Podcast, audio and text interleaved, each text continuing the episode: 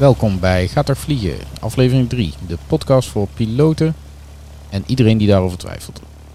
In deze aflevering twee onderwerpen. Het eerste onderwerp is de noodlanding die ik zelf een aantal jaren geleden gemaakt heb. Ik ga vertellen over hoe ik dat beleefd eh, heb.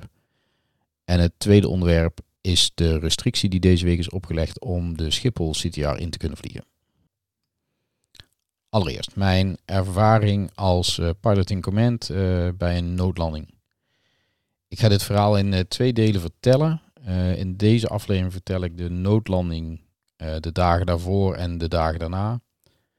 En in, de, in een latere aflevering vertel ik hoe het dan verder gaat met de onderzoeksraad, de luchtvaartpolitie, etc. Maar nu dus eerst de, noodlanding zelf. Nou, allereerst een introductie van het toestel. Ik vloog die dag met een Diamond DA40. Dat is een vrij modern toestel. Het was denk ik ongeveer 10 jaar oud op dat moment. Zat een redelijk nieuwe motor in sinds een paar maanden. Uh, en dat was, het was een heel modern toestel, zeker vergeleken met waar ik uh, voorheen altijd mee vloog met uh, Cessna 172's. Ik heb mijn opleiding op Cessna 152's gedaan. Dit toestel had een glascockpit en ook een VADEC. En een VADEC is een Full Authority Digital Engine Control. En dat betekent Full Authority, jij geeft eigenlijk alleen maar input in welk vermogen je graag zou willen. En het toestel, de VADEC rekent dan uit hoeveel brandstof er uh, gebruikt moet worden, wat de propstand gaat uh, zijn. En probeert zo optimaal uh, jouw vlucht uit te voeren. Qua vermogen. Nou, het, is een, het is een prachtig toestel. Ik had er op dat moment ongeveer zeven uur in gevlogen in totaal. In de maanden daarvoor. Toestel was nieuw bij de vliegclub waar ik, waar ik vlieg. Ja, wat geschiedenis, wat, wat, uh, wat er in de, de weken vooraf gebeurde. Het toestel stond al een maand stil aan de grond wegens een issue failure die men gekregen had in, de, in, de, in een vlucht. vrij in het begin van de vlucht. en men heeft toen besloten van nou, we, we, we, zien niet wat dat precies is. We vliegen terug en we landen. Nou, verder niks aan de hand. Monteur erbij. Ehm, en die besloot om de FADEC uh, terug te sturen naar Diamond voor analyse. Nou, die vader kwam terug, werd ingebouwd. En toen werkte die helemaal niet. Dus hup, dat ding weer uh, terug naar Diamond. Nou, Diamond gaf toen aan van ja, wij zien geen uh, issues. volgens mij is die gewoon goed.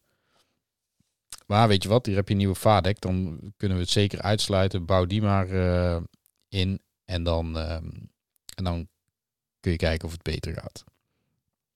Ja, die vader werd ingebouwd in de Diamond. de grondchecks waren oké. Uh, en hij werd weer vrijgegeven om mee te vliegen. Nou, die vlucht. Uh, binnen een paar minuten volgens mij, weet ik niet zeker, kwam er weer een issue failure. Dus men draaide weer om, landde weer. En men belde de monteur weer van, nou, dit is nog steeds niet uh, helemaal lekker. Toen kwam mijn dag. Het was een donderdag. En ik stond die dag gepland om te gaan vliegen met de Diamond. Dat ik heel graag nog even de lucht in wilde. Omdat ik een aantal dagen later met een vriend van mij een, uh, een lange vliegtocht zou uh, gaan maken. Maar het toestel stond nog formeel aan de grond. Dus uh, s'avonds had ik contact met de vliegclub. En die zei, nou, kom, kom gewoon naar het vliegveld toe. De monteur komt ook op donderdag. Hij denkt te weten waar het probleem zit. Um, dus ja, met een beetje geluk kun je, kun je vliegen. Nou, dus die donderdag kwam ik naar het vliegveld. De monteur was er op dat moment ook. Hij uh, las de logging uit van de VADEC en stuurde die op naar Diamond. Uh, en terwijl hij daarop zat te wachten, ging hij gewoon verder in, het, in de motor kijken. Van wat, uh, misschien zie ik daar nog iets. En nou, Warempel, hij, hij zag zelf in de logging al dat er, dat er een afwijkende waarde was tussen twee sensoren die beide een leiding één of meerdere leidingen meten van de manifold air pressure. Nou, dat is uh, de, een afwijking tussen die twee sensoren, dat is niet goed. Hè? Dat zou zo'n ECU failure kunnen, kunnen verklaren. Dus hij, hij, inspecteert die leidingen verder en ziet daar inderdaad een heel klein scheurtje in. Nou, dat heeft hij netjes gerepareerd en daarna zien we bij een grondcheck dat inderdaad die waarden daarna weer uh, correct zijn. Dus geen uh, afwijking, alles oké. Nou, dat zou het dan dat zou het kunnen zijn. Dus nog een grondcheck. Nou, alles oké. Full power test, alles oké. Met, met uitgebreide logging via een laptop die aan, het, aan de boordcomputer hing. En daarmee geeft de monteur zegt, nou, alle waarden zijn oké, geen foutmeldingen meer. Het toestel wordt weer vrijgegeven. Dus ik kon gaan vliegen. Nou, ik blij. En zei die monteur, nou weet je wat, ik vlieg gewoon een, uh, ik vlieg gewoon een rondje mee en dan kan ik nog even kijken of alles uh, ook tijdens de vlucht goed gaat. Nou, die dag, het was ondertussen een uur of ja, 11 uur. Het was heel warm, het was al 30 graden. En er was veel turbulentie in de lucht. En dus na het opstijgen schudden we alle kanten op, maar het, verder ging het eigenlijk, eigenlijk prima. Dus we vlogen richting Den Bosch. En uh, de eerste 20 minuten was er niks aan de hand. We vlogen op verschillende hoogtes met verschillende power settings. En dat ging allemaal, uh, allemaal prima. Dus na een minuut of twintig dachten we, nou, het wordt de tijd om terug te draaien richting, ehm, richting Eindhoven Airport. Dus ik zet weer een, een zuidelijke koers in en ik stel het vermogen in op 70%. En daarmee kun je prima rustig terugvliegen. We zaten nog wat hoog, dus we moesten ook nog wat dalen. Dus op die manier daalden we gewoon rustig, uh, rustig naar beneden. Nou, op een gegeven moment voelen we een trilling in, de, in het vliegtuig. Een heel klein trillingje. En op dat moment zie je ook de, de power setting, die dus op 70% stond, zie je, zie je elke keer wisselen. 69, 71, 70. En daarna weer 69, 71, 70.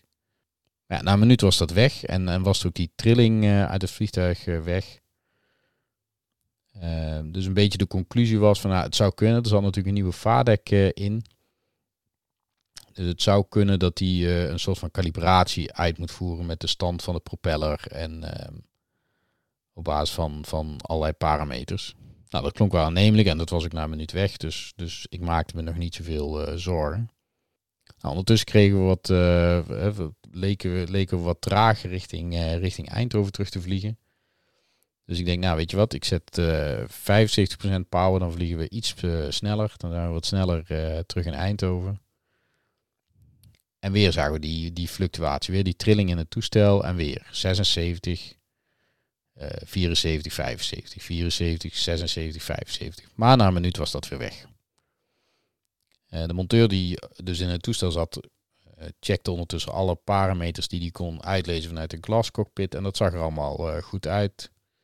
Het elektrische systeem werkte goed. De brandstof uh, liep uh, lekker door. Uh, geen rare temperatuur in de motor. Nou, ondertussen, omdat we toch, toch stiekem, ehm, stiekem wat veel met ons hoofd in, het, in, het, in die glascockpit zaten kijken om al die waarden te controleren, waren we wat te ver doorgezakt. En ik, moet, ik moest terug naar 1500 voet. Ik zat ondertussen op 1200 voet. Dus ik geef full power om, uh, om op te stijgen. En op dat moment krijg ik geen 100% uh, power setting, maar 93.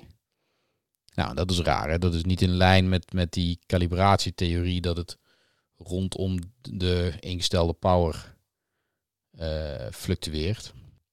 Dus dat snapten we niet helemaal. Maar goed, daar hadden we ook niet zo heel veel tijd voor. Want, want snel daarna, ik denk uh, 20 seconden later, begint de power ook gewoon echt weg te zakken. Dus je ziet 93% en dan 92, 91, 90. En gevoelsmatig wil de toestel ook, ook niet meer stijgen. Dus nou, wat doe je in zo'n geval? Het eerste, eerste wat, wat ik in ieder geval deed was uh, hoogte pakken. Die moest ik sowieso eigenlijk hebben om op 500 voet uh, binnen te komen. Dus uh, zoveel mogelijk hoogte pakken. Want dat, dat geeft je ook tijd om, ehm, om dingen uit te zoeken. Maar zodra ik dat probeerde, liep de snelheid meteen uh, gigantisch snel terug. Dus, dat, uh, dus zelfs de stallwarning ging op een gegeven moment af. Ik, ik denk dat ik ongeveer 50 voet hoogte kon, kon pakken. en het was dus, nou ja, je kunt dan proberen, maar dan ga je een stal in. Dus dat is niet handig. Dus uiteindelijk dus weer de knuppel, stuurknuppel naar, zeg maar naar beneden. En proberen in ieder geval hoogte te, te houden. Ondertussen was de power weggezakt tot 60%. Dat is, daar is die ook op blijven hangen, voor zover ik me kan uh, herinneren. Het laatste wat ik in ieder geval gezien heb. En ik weet dat ik toen dacht van, dat is zo raar dat ik die hoogte niet kan houden. Met 60%, dat, dat moet, het gaat niet snel, maar je zou prima hoogte moeten kunnen houden. Maar dat lukt dus niet. We waren langzaam aan het, aan het zakken. Ondertussen had ik Eindhoven Tower aan de, de, op de frequentie. En ik vroeg van, nou, 1500 voet, wat normaal is om binnen te komen, dat gaat me niet lukken. Mag ik ook lager binnenkomen? En nog steeds eigenlijk ervan uitgaande dat, nou ja, oké, we kunnen dan geen hoogte meer pakken en misschien zakken we heel langzaam. Maar hè, dan komen we maar lager binnen. Maar ondertussen zag ik ook dat we, uh, terwijl ik met uh, Eindhoven Tower aan, de, aan het communiceren was, zag ik ook dat we 400 voet per minuut aan het dalen waren. En toen, uh, toen liep de, de werkdruk in de cockpit wel op, want 400 voet per minuut, terwijl je op ja, het zegt 1200 voet zit, dan heb je maar drie minuten. En die 400 voet per minuut liep ook op. ondanks dat ik, dat ik best glide speed uh, aanhield, zakten we, zakten we behoorlijk naar, uh, naar beneden. En, en toen kwam langzaam ook de conclusie van, nou, we gaan Eindhoven gewoon niet halen. We moeten hier ergens terecht gaan komen. Nou, eerst, hoe, hoe, gaat dat in je hoofd? De eerste paar seconden zit je in een ontkenningsfase. Van, dit kan niet waar zijn. Ik wil gewoon naar Eindhoven toe. Dat ligt daar. Ik kan het in de verte zo'n beetje zien liggen met een beetje fantasie. En daarna denk je, ja, dit, dit wordt hem toch niet. Ik ga Eindhoven echt niet, uh, niet redden. Dus dat betekent dat we hier in een veld moeten gaan uh, landen. De monteur die was ondertussen nog op allerlei knoppen aan het drukken in de hoop om informatie te zien van waarom krijgen we dat vermogen niet. Hè? We kregen geen enkele warning of, of ECU failure of wat dan ook in ons scherm uh, te zien. Dus we snapten er eigenlijk niet zo veel van. Maar goed, ondertussen uh, zaten we al op, uh, op duizend voet en we werden toch wel echt wel tijd om een veld te kiezen. Dus dan ga je om je heen kijken en dat viel tegen. We zagen heel veel bossen, we zagen heel veel huizen, we zagen ook heel veel grasland, maar veel van die grasvelden waren omringd door bossen of huizen. En dan is het lastig kiezen. Ik had natuurlijk nog niet zo heel veel ervaring op dit toestel. Ik had ongeveer zeven en een half uur gevlogen intussen. En ik wist natuurlijk wel dat je, hè, dat je een aantal meters nodig hebt. Maar ja, hoe is dat op, uh, in zo'n noodsituatie? En dan heb je misschien wat minder nodig. En, en, maar hoe lang is iets eigenlijk? Hè? Je, ziet een, je, ziet een, je ziet een aantal velden vanuit de lucht, maar je hebt eigenlijk geen referentiekader om te weten van nou, hoe, hoeveel meter is dat nu. Nou, één veld uh, leek uh, als enige optie lang genoeg. Maar er was één nadeel aan het veld. Dwars op de, de landingsrichting die we dan zouden moeten vliegen, uh, liepen de strepen dwars door dat veld. En dat betekent meestal sloten. Maar ja, het was de beste optie uit alle slechte opties. Dus, uh, en ondertussen zaten we al op, denk ik, op uh, eh, 700 voet.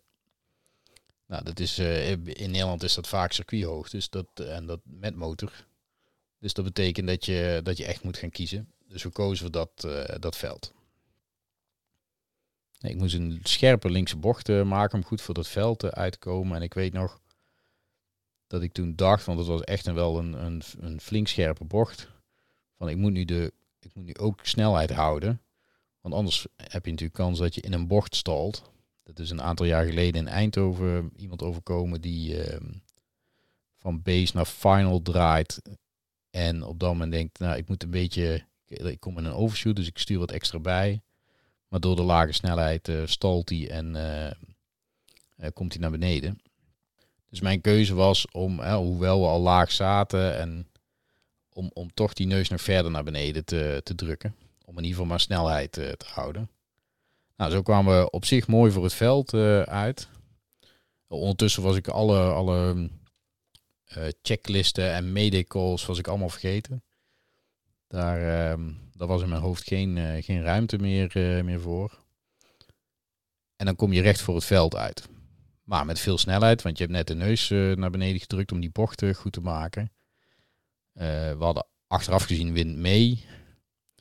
Dus dat betekent dat de grond heel snel uh, onder je door uh, schiet. Dus ongeveer de eerste helft, denk ik, van, van het landingsveld uh, wat ik in gedacht had, zijn we overheen gevlogen. Nou, uiteindelijk was de touchdown was, um, achteraf gezien 30 centimeter na een van die slootjes die we die de, dus inderdaad goed vanuit de lucht gezien hadden. Nou, dat is meer geluk dan wijsheid geweest. Ehm, maar daar zijn we dus net na geland. Nou, vervolgens denderen we door. we drukken, ehm, we remmen zoveel mogelijk om, ehm, om snelheid te verliezen. Maar helaas, hè, en, ik denk een 100 meter verderop, uh, is er nog een sloot. En dat was een vrij diepe sloot. Nou, daar, daar schieten we doorheen. We hebben geluk dat, dat zeg maar uh, alleen de wielen afbraken. En dat we niet zeg maar bijvoorbeeld met de neus tegen de kant van de sloot aan, uh, botsen. dus de wielen breken af. Het, het, toestel zelf met ons erin schiet er overheen. Ja, en dan sta je snel stil. Dus ik denk dat we, nadat we de wielen kwijt waren, dat we binnen 10, uh, 10 meter stil stonden. Nou, wat doe je dan? Je, je stapt heel snel uit en je neemt afstand, want je weet natuurlijk niet wat er allemaal geraakt is of lekte. Alles stond nog, uh, stond nog aan. We hadden geen, ehm, niet de motor uitgezet, niet de elektriciteit uitgezet. dus we hadden niet echt een, een goed gevoel wat er, wat er zou gebeuren. Maar na een paar minuten leek het allemaal redelijk stabiel. En konden we teruglopen om, ehm, om onze spullen te pakken, waaronder een gsm. Nou, wat ga je dan doen? Hè? Je belt als, als eerst met de toren, want daar hadden we ons laatste contact mee. Om, um, om hen op de hoogte te stellen dat we geland waren en ehm, dat we allebei, zowel ik als de, de monteur als passagier, geen, geen verwondingen hadden nou, toen de, de, de toren gebeld, uh, proberen uh, te achterhalen waar we precies stonden. Uh, gelukkig kwamen een aantal mensen uit de buurt aangereden die ons, ons hadden zien landen. Dus die wisten, die wisten een, een, adres te noemen. Dus daarmee konden de hulpdiensten ons, ons vinden. natuurlijk bel je met, met je directe familie om, om te vertellen dat in ieder geval alles, alles goed is. En je belt met de vliegclub. Nou, zij waren al op de hoogte. Het kan trouwens ook zijn dat de vliegclub mij al belde. Dat, dat zij al vanuit de toren gebeld waren van hey, een van jullie toestellen is, is van de radar verdwenen. Dus het kan zijn dat de vliegclub mij al gebeld. Dat weet ik niet meer zeker. Maar goed, hè, dus je hebt contact met de vliegclub om, uh, om daar praktische dingen mee te, te regelen. En zodat zij ook naar, ehm, naar de locatie konden komen. Je belt met de eigenaar van het toestel om ze te vertellen wat er, wat er aan de hand is. En eigenlijk ben je daar, ben je daar vrij veel mee bezig. Hè? Politie belt, de onderzoeksraad die belt. Uh, heel, de, de, de, urenlang is er eigenlijk heel veel communicatie met allerlei uh, instanties. We zijn rond half twaalf hebben de noodlanding gedaan en uiteindelijk kon ik rond half vijf naar huis vertrekken. En toen was het toestel nog niet eens geborgen. Dat is de volgende dag pas, uh, pas gebeurd. Nou, op de locatie zelf was het, hè, was, uh, buiten veel telefoontjes was het ook wachten op de luchtvaartpolitie. Zij doen meteen onderzoek uh, naar uh, mogelijk strafbare feiten. Dus je brevet wordt gecontroleerd. Ehm, zij kijken ook de, ze maken heel veel foto's over de staat van het uh, toestel. Ze proberen al te achterhalen hè, of, of er een heel duidelijke oorzaak is. Nou, ondertussen, parallel was ik ook met die monteur aan het bedenken van ja, wat, wat hebben we nu, hè, wat is ons nou overkomen, wat hebben we gezien? En, en wat ons allebei heel erg opviel is dat er geen enkele aanwijzing in het toestel te zien was. Terwijl dat toestel vol hangt met sensoren en bij het minst of geringste er allerlei waarschuwingen in je beeldscherm uh, verschijnen, was er in ons geval helemaal niks te zien. Het was alsof we zelf te weinig vermogen hadden geselecteerd en, ehm, en zo de grond ingevlogen waren, bij wijze van spreken. We hebben overigens wel nog ergens in die, in die laten we zeggen, twee minuten tussen besluit van noodlanding en, en het landen heb, ik nog een keer geprobeerd om, om zeg maar, de power terug te krijgen. door, door de gassen helemaal terug te nemen en dan weer full power te geven. Maar hij, kwam weer op die 60% uit. Dus dat had geen, uh, dat had geen effect. Nou, de dagen daarna heb je heel veel uh, formaliteiten. Er zijn heel veel mensen die, uh, die nog bellen. Er zijn heel veel formulieren die je, die je in moet vullen voor de vliegclub, voor de onderzoeksraad, voor ILNT. En, en 90% is allemaal hetzelfde informatie, namelijk hè, wat is er gebeurd in jouw beleving. En zonder dat je daar een oorzaak aan hangt, maar gewoon welke feiten ben je tegengekomen. Maar goed, het is allemaal net in een ander formaat, dus dat kost, wat, dat kost best wel wat tijd. Nou, er zijn natuurlijk veel, veel vrienden en familie die bellen van uh, wat is er aan de hand en weet je al iets. En eigenlijk pas na een dag of drie keert dan de rust terug. En eigenlijk dan, de, de noodlanding was op donderdag. En ik denk dat ik zaterdagavond of zondagavond thuis zat en dat, dat er even een paar uur niks was. En dat je dan hè, met een biertje of een whisky in de hand eigenlijk beseft wat er allemaal gebeurd is en hoe dat ook anders had kunnen aflopen. Er zijn natuurlijk best wel een paar momenten geweest in die vlucht dat het mis had kunnen gaan. Bijvoorbeeld bij die, eh, die scherpe linkerbocht, dat had ook in een stal kunnen eindigen. Ja, en de landing aan zich, hè, die, die sloten die er, eh, die er lagen, die hadden ook die hadden ook heel andere dingen met het toestel kunnen doen dan alleen maar uh, wielen laten afbreken. En dus we hebben heel veel, wat dat betreft, heel veel geluk uh, gehad. En dit is het verhaal van de noodlanding zelf. Ik, ik heb het geprobeerd zo, zo kort mogelijk te houden. Dus nou, er zijn nog honderd dingen meer te vertellen. Als, uh, dat wil ik best een keer doen als daar interesse in is. En de volgende keer dat ik over de noodlanding vertel, ga ik met name de afhandeling vertellen. Van hoe gaat dat nou met de luchtvaartpolitie en hoe gaat zo'n onderzoeksraad onderzoek nu? En wat zijn eigenlijk de, de hè, wat zijn de dingen die ik geleerd heb van die, van die noodlanding? Wat zou ik anders, uh, anders doen? Dus dat komt dan een uh, volgende keer. Deze week is ook bekend geworden dat het crossen van de Schiphol CTR een stuk ingewikkelder gaat worden. Zo niet onmogelijk voor de recreatieve piloot. Vanaf nu zul je toestemming moeten vragen op twee momenten. Allereerst minimaal zes uur van tevoren via een formulier waarin je je route aangeeft en deze opstuurt naar de operationele helpdesk van de luchtverkeersleiding Nederland. Zij geven dan aan of, het, uh, of de vlucht überhaupt uitgevoerd zou kunnen worden. Moment twee is dat de luchtverkeersleider kan bepalen wanneer jij je aanmeldt of hij toestemming geeft om, uh, om jou de CTR in te laten gaan. Nou, dat is een flinke verandering ten opzichte uh, hoe het tot nu toe ging. Tot nu toe meldde je je aan bij de luchtverkeersleider.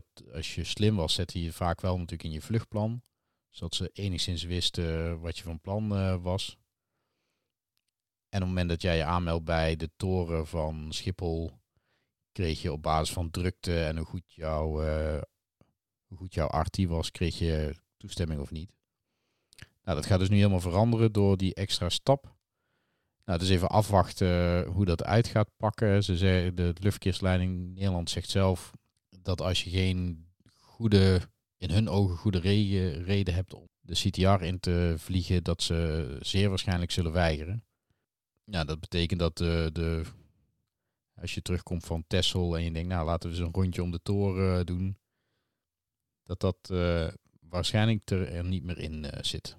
Luchtverkeersleiding Nederland geeft aan dat dit om de veiligheid gaat, omdat er een aantal incidenten zijn geweest en ze geven aan, ja, dit is een vermijdbaar risico. Als het aantal VFR-vluchten in de Schiphol CTR verminderen, dan is dat risico ook lager. Dus, dus het is een hele makkelijke maatregel. Nou, voor ons uh, vrije tijdspiloten is dat een flinke domper. Dus we zullen zien, er zijn een aantal belangenorganisaties die hier nog uh, stampij over gaan maken, maar we zullen zien hoe dat uitpakt. Dit was alweer de derde aflevering van de Gaat Vliegen podcast. Heb je tips, reacties? Stuur ze naar ralf.gatervliegen.nl. Dat is Romeo Alpha Lima Foxtrot.gatervliegen.nl. Kijk ook op de website gatervliegen.nl voor eerdere afleveringen. Abonneer je zeker op de podcast via jouw favoriete podcast app. En voor nu, Freedom Change Approved en goede vlucht.